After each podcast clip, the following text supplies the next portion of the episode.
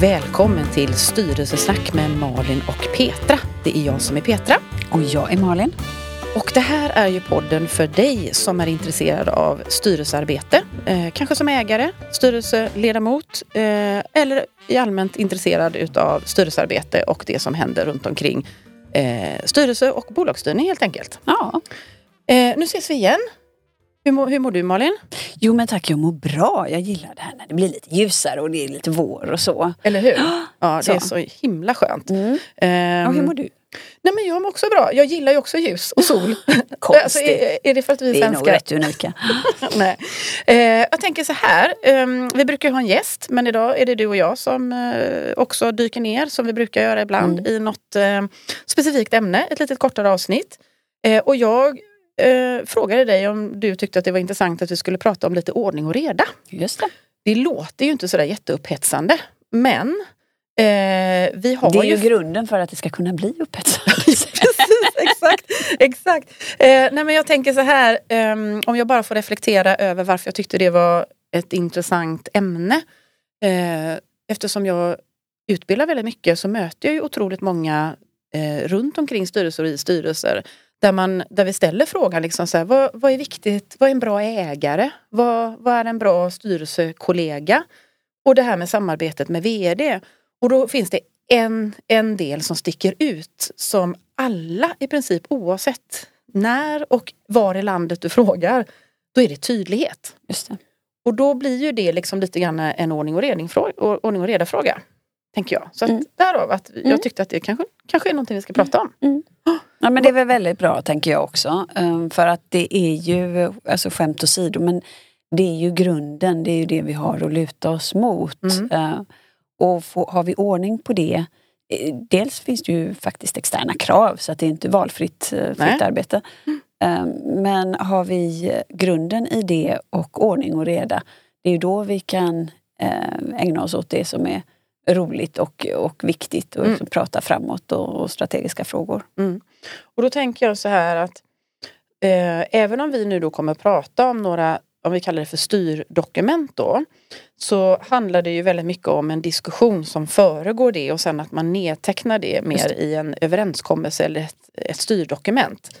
Så det är ju inte bara liksom en skrivbordsprodukt utan ett resonemang Mm. och en dokumentation och sen att man utvärderar det förhoppningsvis eh, löpande. Precis. Ja, och Mm. det är ju därför som, som många av de dokument som, som vi kommer att nämna och referera till är ju sånt som man också på styrelsens konstituerande möte, man, man går igenom de här varje år och ser om någonting behöver uppdateras och så. Mm. Och där tänker jag också då eh, att man faktiskt, eh, vi har ju pratat lite grann om det tidigare, att hela styrelsen behöver ju inte alltid vara med på allting. Man kan ju ha små utskott eller små arbetsgrupper. Så där tänker jag så här att vi kommer ju prata lite tydlighet ifrån ägarna. De kanske behöver liksom någon liten gruppering som förbereder ett förslag till någon form av beslut så småningom. Vi som jobbar i styrelsen kan ju ha en liten arbetsgrupp som också föreslår till konstituerande styrelsemötet tänker jag. Och även möte tillsammans med VD så att man liksom de styrdokumenten som, som, eller samarbetsdokumenten eh, också ses över kanske en gång per år med Precis. ordförande och kanske Ja, ord och sen i lite större bolag så, så är det här ju ofta någonting som en bolagsjurist Mm. tittar in i Tittar in i. Mm. regelbundet Mm. eh, och kommer med förslag Mm. till styrelsen. Eh, ska vi börja med ägarna? Mm, Mm. Tycker jag.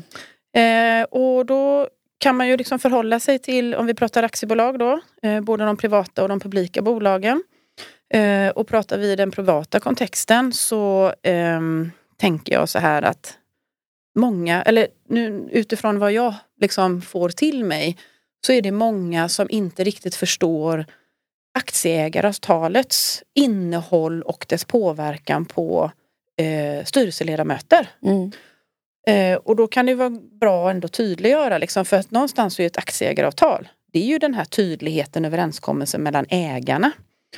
Och hur ställer det sig då i relation till själva bolaget och styrelsens ansvar inför det som står där? För i ett aktieägaravtal, man behöver ju faktiskt inte ha ett aktieägaravtal, det kan vara bra att veta. Det finns inga formella krav på det. Bra att ha om man är mer än en ägare. Det vet vi ju, Verkligen, ja. verkligen. Mm. För det kan ju faktiskt hända så att man, man eh, lite längre fram inte alls kanske kommer överens eller har samma åsikter och då kan det vara bra att ha det reglerat det. innan. Och, och även om man liksom, även om man inte är osams så, så kan det vara nya generationer. Det, det kan vara liksom ett antal andra frågor som är så bra att det är krattat för. Mm. Håller helt och hållet med. Men då är det många som undrar, eh, som har frågat mig, ja, men hur ställs det i relation till eh, mig som extern ledamot till exempel? Behöver jag förstå vad som står där? Behöver jag ikläda mig ansvar för det som finns i ett aktieägaravtal? Eh, och då kan vi vara tydliga med att säga att ett aktieägaravtal är ju ett civilrättsligt avtal mellan aktieägarna och naturligtvis kopplat till deras ägande just i det bolaget du är styrelseaktiv i. Men du är ju inte behäftad med ansvar inför det. För det är ju bara mellan aktieägare. Eh, och eh, skulle man börja bråka sinsemellan aktieägare så får de hantera det civilrättsligt helt enkelt.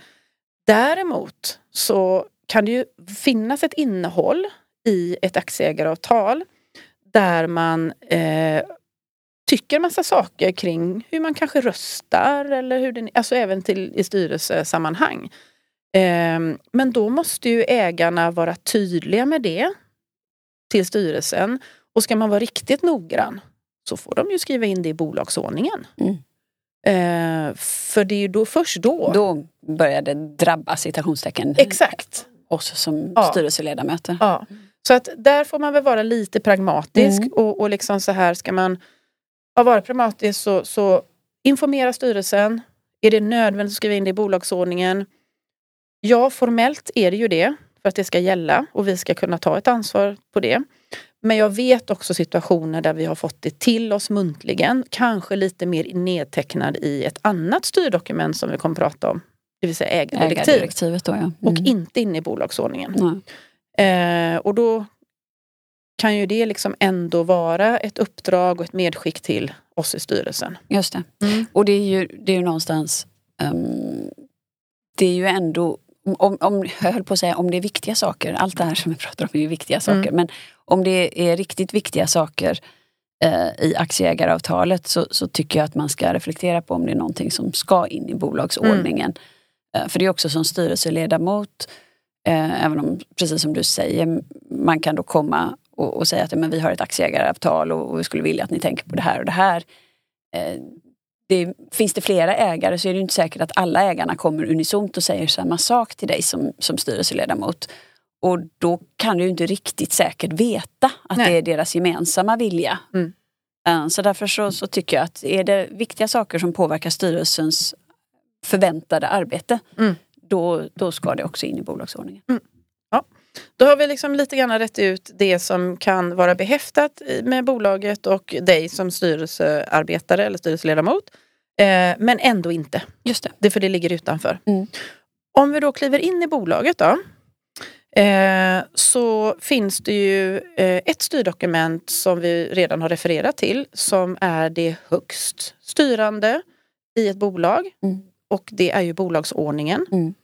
Eh, det är ju ett formellt krav att alla aktiebolag, oavsett bolagsform, eh, ska ha ett, eh, en bolagsordning. Ja.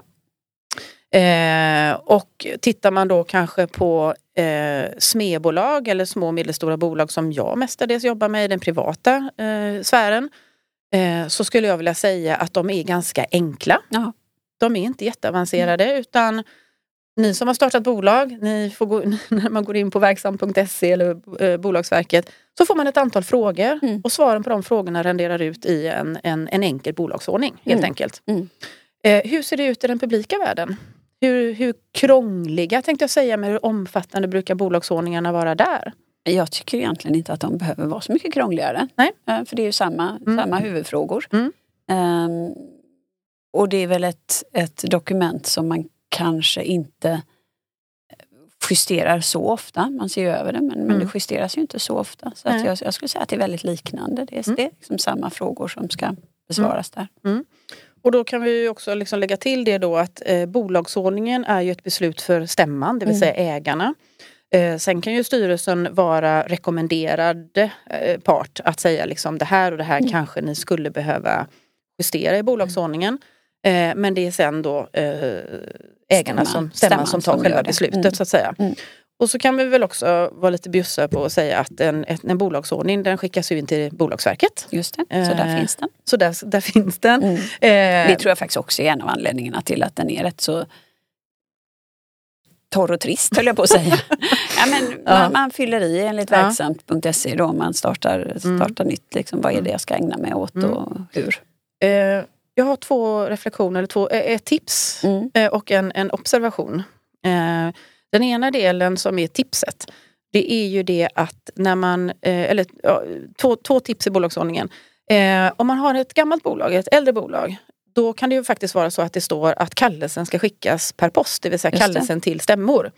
Då menar vi snigelpost. Mm. Eh, vi menar inte e-post.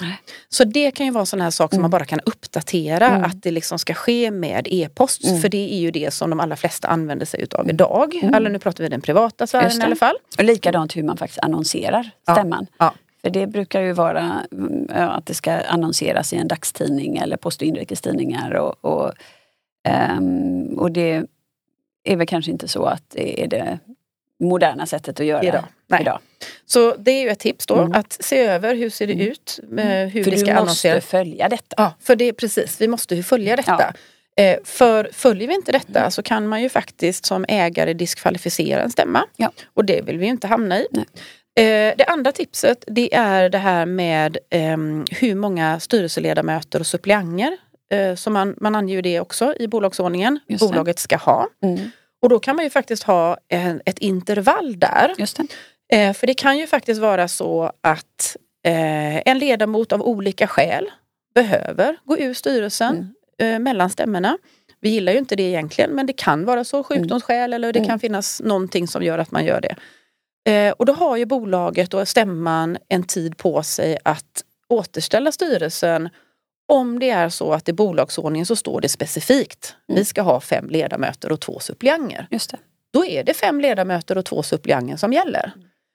Och kliver en av då, då är ju inte styrelsen intakt med bolagsordningen. Mm. Det kommer Bolagsverket reagera på och ge oss en timeline för hur lång tid har vi på Mm. oss att faktiskt då eh, återställa styrelsen som bolagsordningen säger.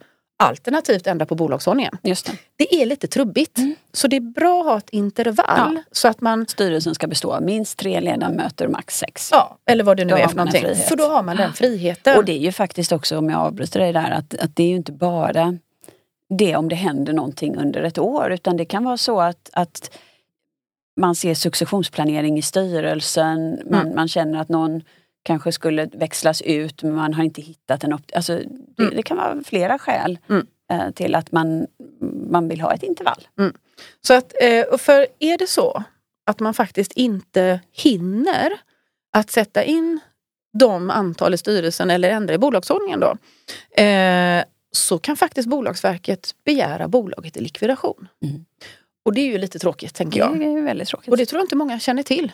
Så att det kan man bara ha Mm. med som ett medskick. Mm. Sen så kan man också reflektera Annars, över det. nu avbryter jag dig igen då, men, Mm. men jag tänker också att, att eh, Bolagsverket är ju bra att ha att göra. Alltså Ja, man kan ställa absolut. väldigt bra frågor och även eh, verksamt.se. Om, om vi nu tänker oss att vår lyssnare är i, håller på och startar ett eget litet bolag och så, så finns det mycket hjälp att få. Absolut. jag. Ja, Mm. nej, och Bolagsverket eh, har ju verkligen de senaste åren eh, varit väldigt följsamma om, och, och liksom, Service. service-minded. Eh, inte följsamma utan men, service-minded. Ja, Ja. vill att vi ska göra rätt. Precis, Mm. och mycket information att hämta och, och, och stöd att få liksom, så att man hamnar rätt Mm. eh, när man inte kan de här frågorna.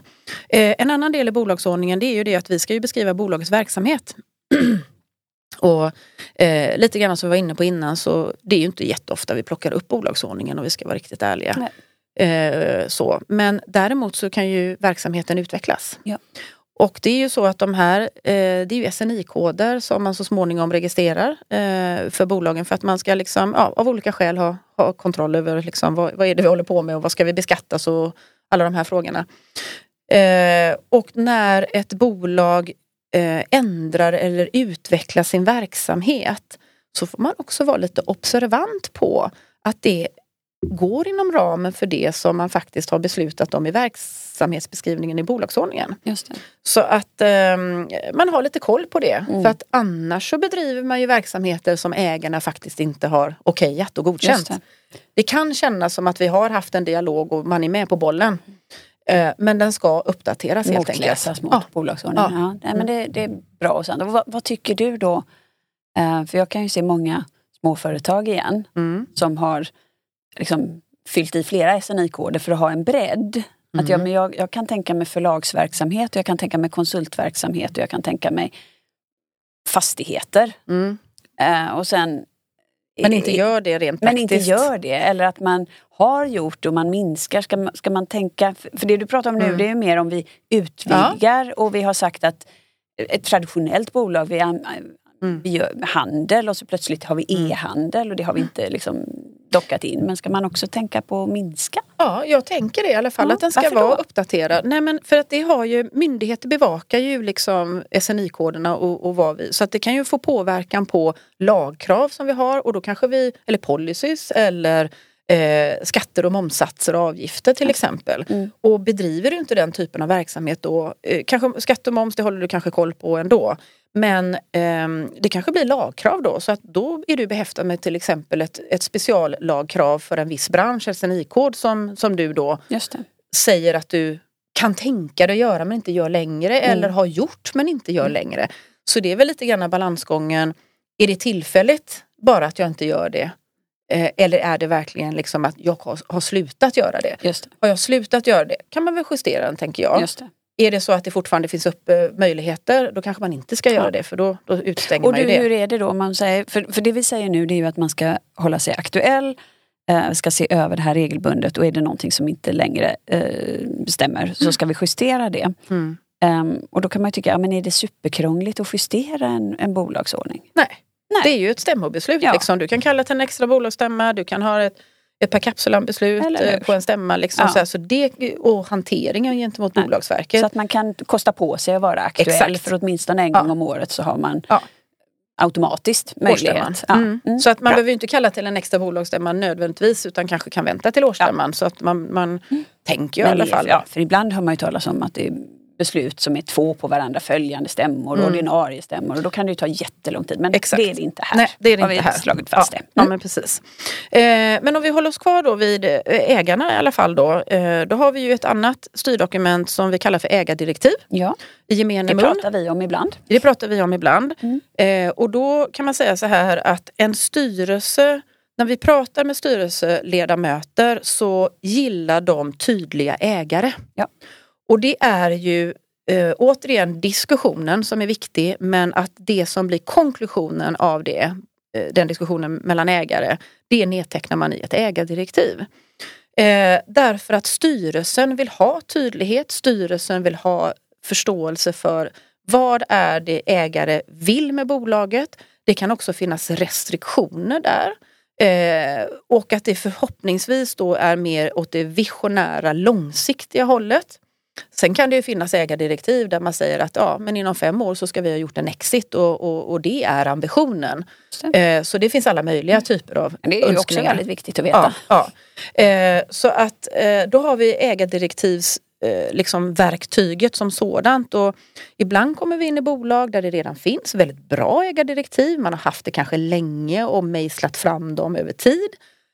Och ofta så är de ju frammejslade med två perspektiv. Dels om man har liksom ändrat i ägarkretsen men också när man gör ändringar i styrelsen. Förhoppningsvis att styrelse och ägare faktiskt pratar med varandra om eh, ägardirektivet och att en styrelse har möjligheten att ställa frågor och kanske också ibland be om ytterligare förtydliganden eller kanske till och med utmana ägarna. Mm. Och att det tillåts det. Så att jag tänker att de två perspektiven kanske finns med som sedan då blir liksom det här ägardirektivet som ska vara på en tidshorisont som är mer strategisk och längre tänker jag. Eh, I, I generella termer. Eh, men som man också då kanske tittar över en gång per år. Mm. Och då Och det är ju inte styrelsens ansvar att Nej. titta över det utan Nej. det är ägarnas ansvar. Sen, sen är det ju ingenting, det finns ju inte vattentäta skott utan Nej. vi vill ju liksom samma Ägarna sak. kanske bjuder in styrelsen. Ja eller liksom styrelsen säger, är det inte dags att se över det här nu? Ja. Vet, ni, vet ni vad det står egentligen? Ja, och då tänker jag så här, i mina bolag så om vi har eh, funderingar om ägardirektivet, att det finns en situation eller situationer där det känns mer otydligt. Eh, Då kontaktar vi ägarna, eller oftast jag som ordförande, där jag säger det här har vi diskuterat. eh, Hur tänker ni kring det? Hur ska vi göra det? Liksom?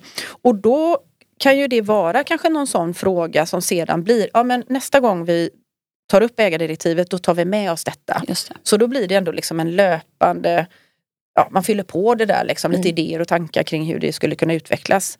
Eh, men vi har också avsatta möten eh, på våren eftersom de stämmorna ligger oftast i, i liksom kanske eh, maj, juni.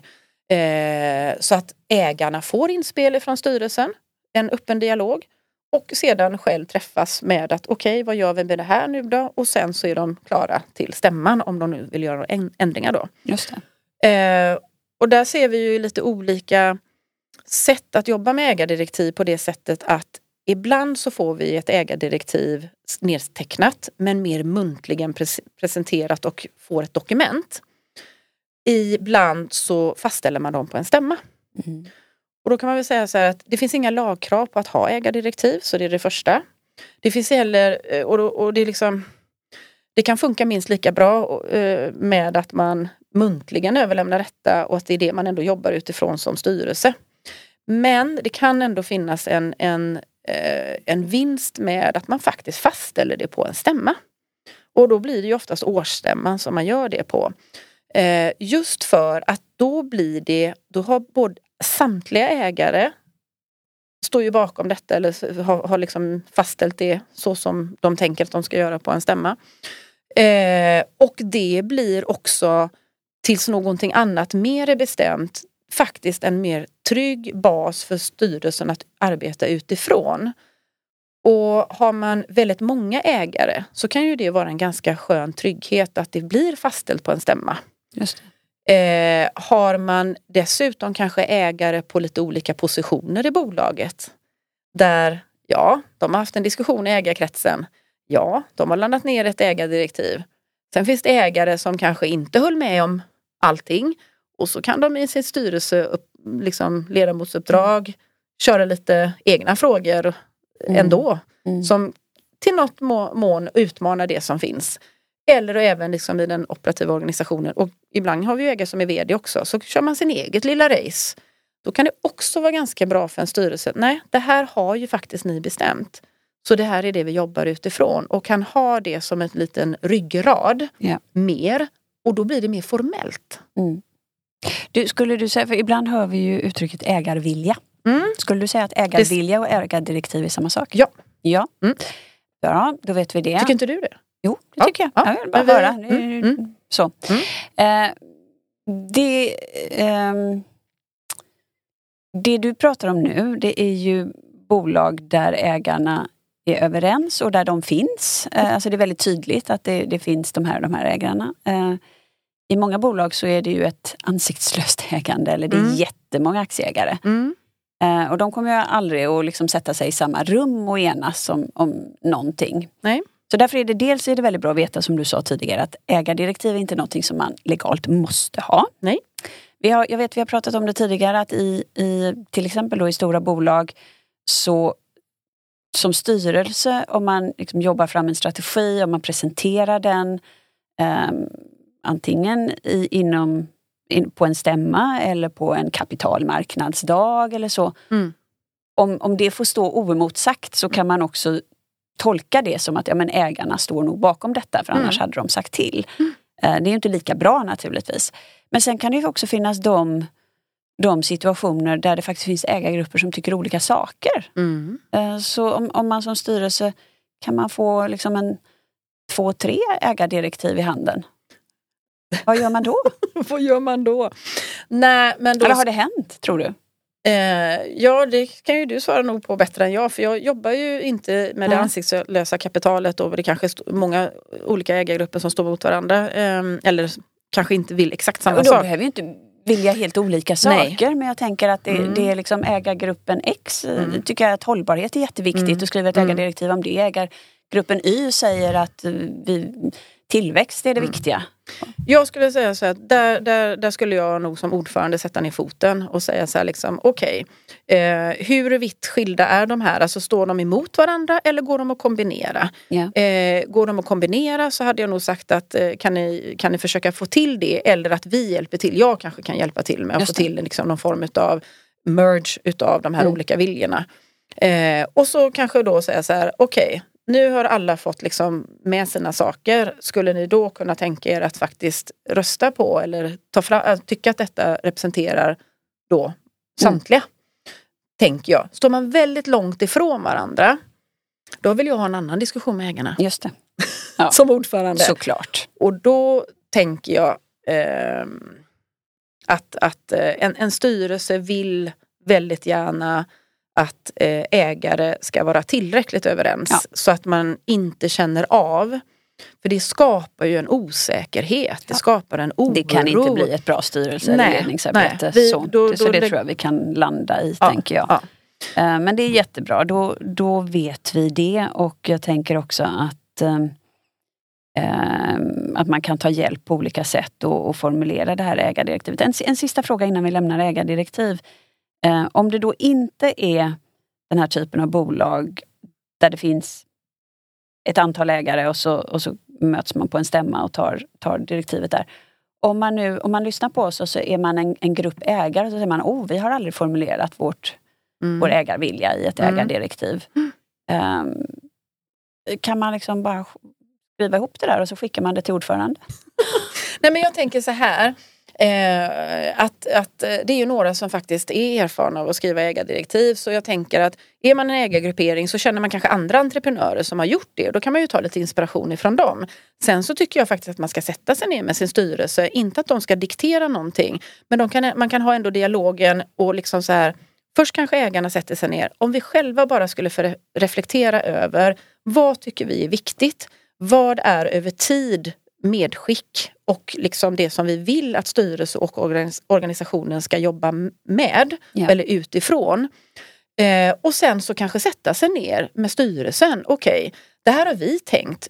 Hur, alltså behöver ni någon annan typ av tydlighet eh, som vi har missat? Och så får man väl lyssna in sin styrelse. Sen är det ju ändå ägarna till slut som vill landa ner i sitt eget ägardirektiv. Vill vi lyssna på styrelsen eller skiter vi i det? Nej. det. Men, men mm. eh, då tror jag att man har en ganska gr bra grund och då är ju min filosofi i alla typer utav instruktioner när man aldrig har gjort någonting förut. Bättre att göra något än inget. Ja.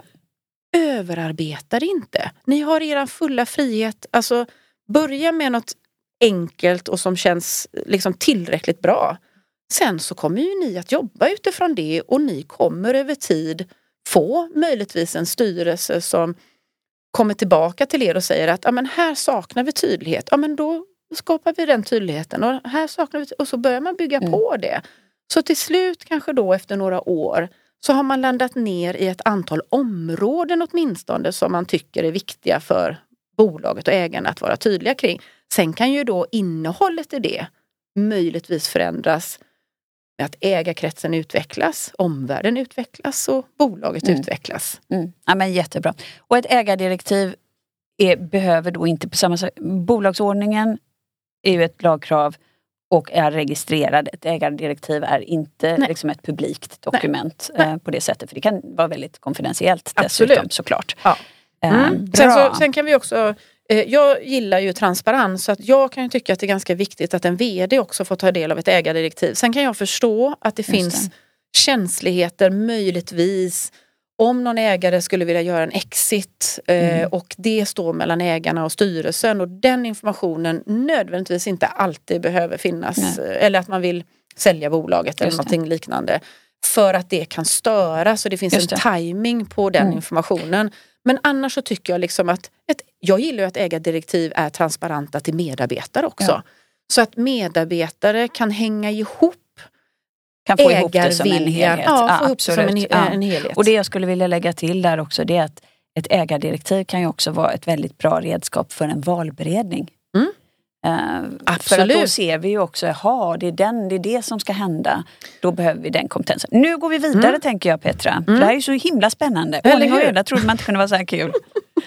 ja, om, vi, om vi går vidare då, då pratar vi om styrelsen då. Mm. Eh, vi har ju en styrelse här då med lite olika kompetenser och, och en sammansättning där, där vi vill jobba eh, med tydlighet inom den gruppen. Absolut. Eh, och då har vi ju då ett, eh, en, en ordning och reda eh, instruktion som man kan använda sig av som är, är ganska generell och det är styrelsens arbetsordning. Ja.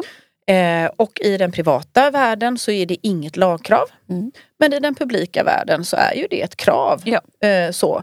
Inte kanske så detaljerat men ändå att det ska finnas. Ja.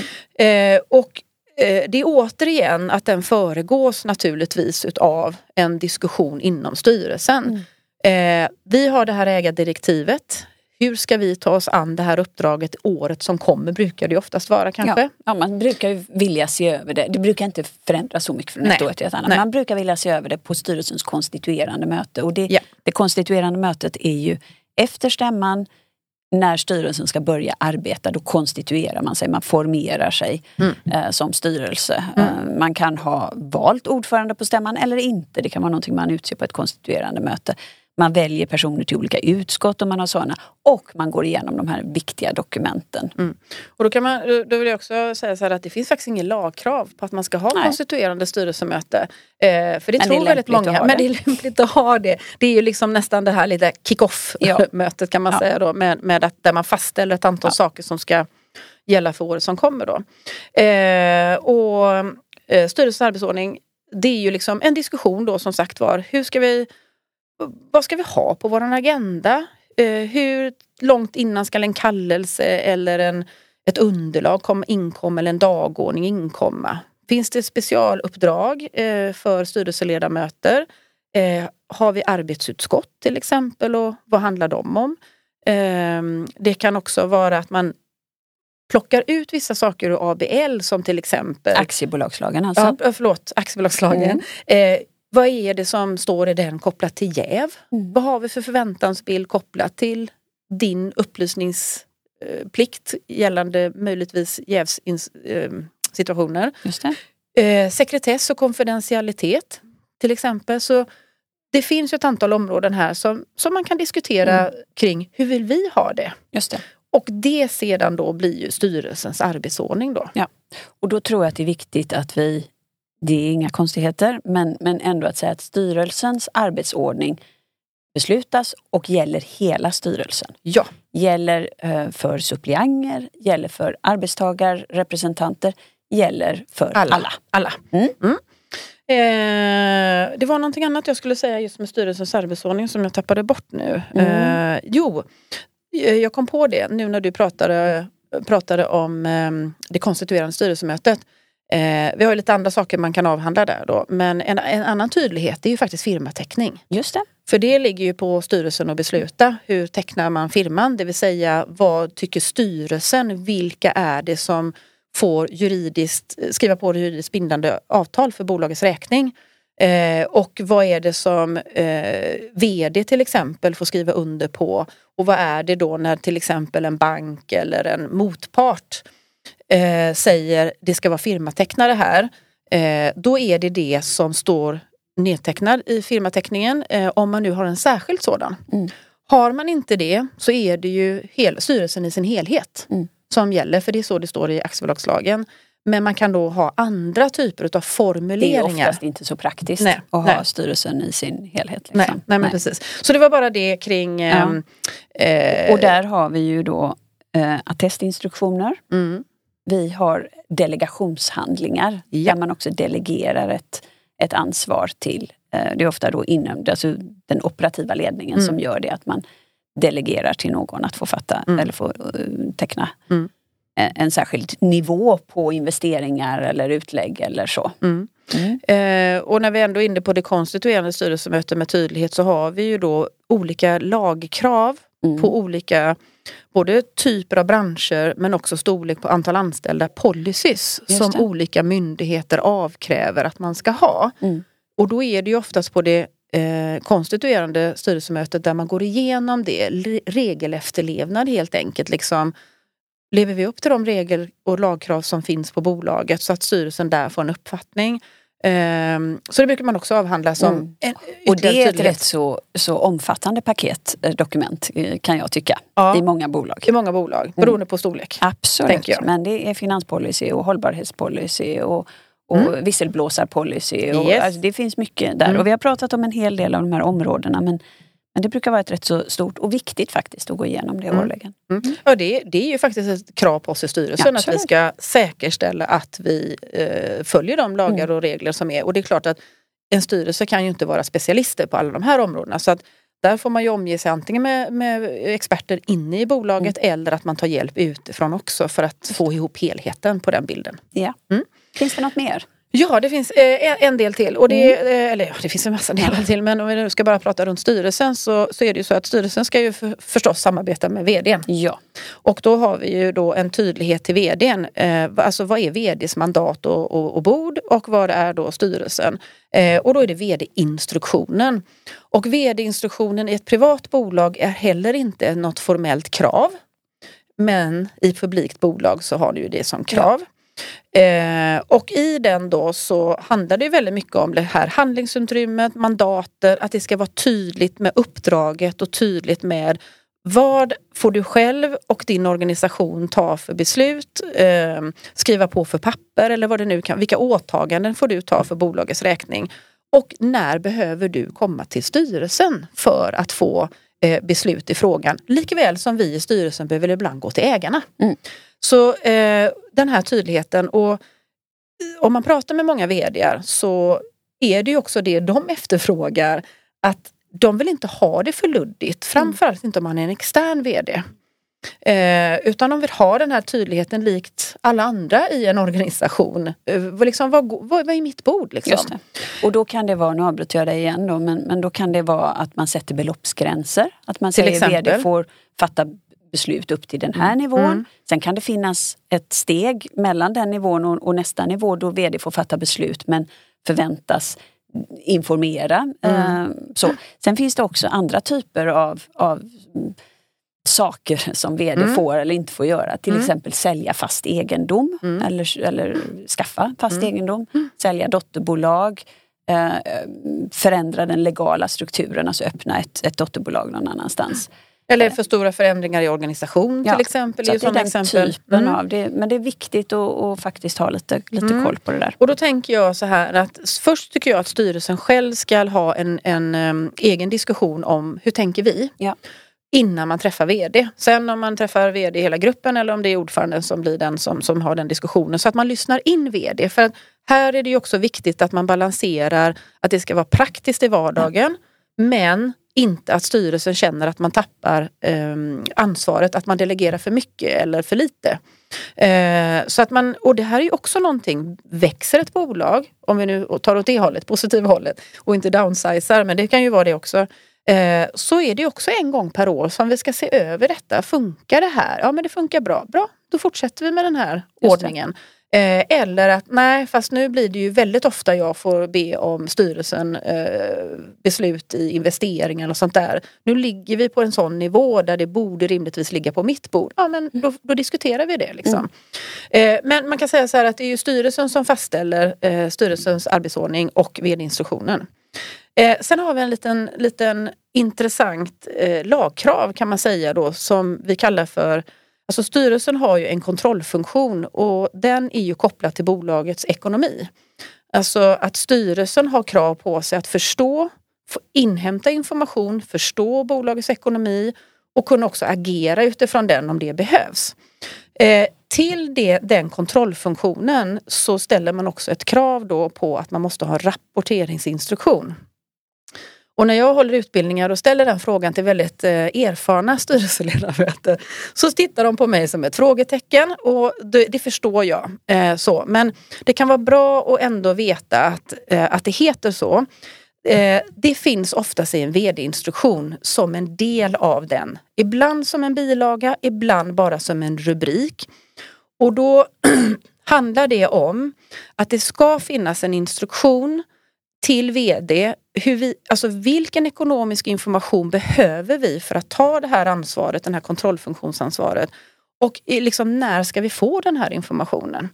Det är det vi nedtecknar i en rapporteringsinstruktion. Det är en skriftlig instruktion som ska fastställas i ett protokoll av styrelsen. Kan finnas då som sagt var, det behöver inte heta rapporteringsinstruktion. Det, behöver inte, det kan vara en del av vd-instruktionen. Det är därför vi inte hör talas om den så ofta, eller vi benämner den inte så. Eh, och den behöver inte skickas någonstans. Men den ska finnas där ifall att man skulle behöva liksom titta på hur, hur styrelsen tar detta ansvaret i någon form av annan mm. ansvarsfråga. Då. Mm. Um, så, att, uh, så det är väl den sista pusselbiten tänker jag. Uh, och då finns det undantag med rapporteringsinstitution att det riktigt små bolag behöver inte ha det. Men jag brukar säga så här. Tumregeln är, är du extern in i ett bolag, rapporteringsinstitution, mm. den ska finnas där. Mm. Sen brukar folk säga så här, är det bara det vi ska få rapportera till oss? Nej, men den är så starkt knuten liksom till vårt ansvar. Det är självklart så ska vi ju få andra saker till oss än bara den ekonomiska informationen. Så oftast i rapporterings eller en vd-instruktion så har man ju hela batteriet med hur ser det ut i organisationen, hur mår medarbetarna, hur ser det ut i strategiska ja, Det finns ju en hel lista mm. i kombination med den här mm. ekonomiska. Mm. Och mycket av detta läser jag ju in handlar också faktiskt om att skydda VD ja. eh, från, för att, att liksom, eh, hantera saker och ting rätt. Men jättebra mm. Petra, då har vi gått igenom väldigt mycket eh, och det finns naturligtvis flera saker som ett bolag måste ha ordning på, sin aktiebok och, och, och liknande. Ja, ja men Eller så är det. Men om vi bara håller oss lite grann ja. mer till de här styrdokumenten ja. så självklart finns det andra domäner där, ja. vi, där men, vi ska men ha då, koll. Då vet vi att ett ägardirektiv är bra att ha men inte ett krav. Ja. Eh, och eh, aktieägaravtal, det var civilrättsligt ja. mellan aktieägarna. Ja. Eh, men intressant som styrelse att få ta del av mm. ändå. Mm. Bolagsordning, där hade vi ett absolut krav. Ja. ja. Eh, och sen så hade vi ett, eh, då styrelsens arbetsordning som är krav när vi är publika eh, och inte krav i den privata sfären. Yep. VD-instruktionen lika så. Yep. Rapporteringsinstruktionen eh, som ofta är en del av VD-instruktionen.